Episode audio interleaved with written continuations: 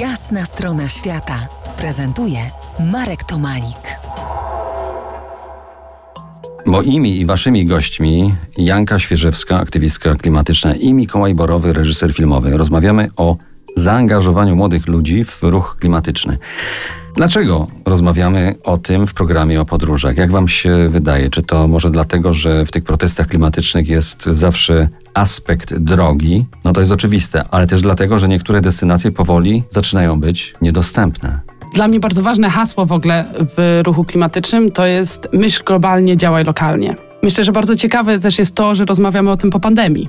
Pandemia nam pokazała, że nie zawsze możemy latać, że te opcje nie są dla nas dostępne. I bardzo dużo zaczęliśmy odkrywać pięknych miejsc tu i teraz, blisko. Dużo osób na przykład bardzo zaangażowało się w obronę lasów bliskich im. Ty też?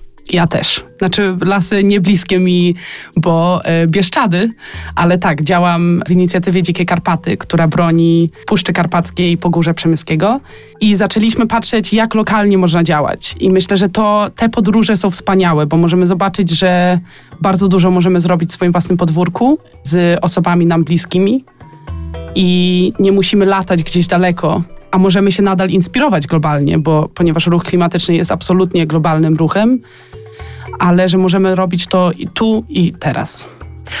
Międzyrządowy panel do spraw zmian klimatu, który na pewno znacie, czytaliście, IPCC mówi: Większość ludzi żyjących m.in. w Ameryce Północnej, Europie, Australii, dużych obszarach Ameryki Łacińskiej, zachodniej i wschodniej części Afryki Północnej, Syberii, Rosji i sporej części Azji już doświadcza ekstremalnych upałów. Koniec cytatu.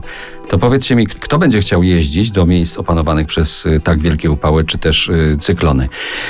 Upały miały miejsce w Australii dwa lata temu. Wiadomo jak było. W tej chwili mamy wielkie upały w y, Grecji, pożary w Grecji. To rzeczywiście wszystko się jak gdyby zmienia.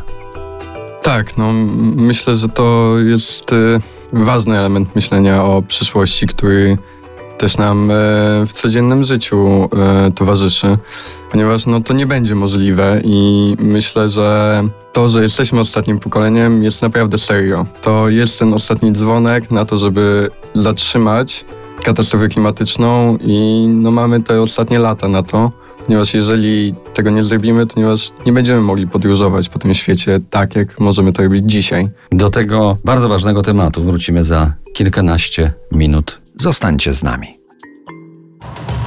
To jest Jasna strona świata w RMS Classic.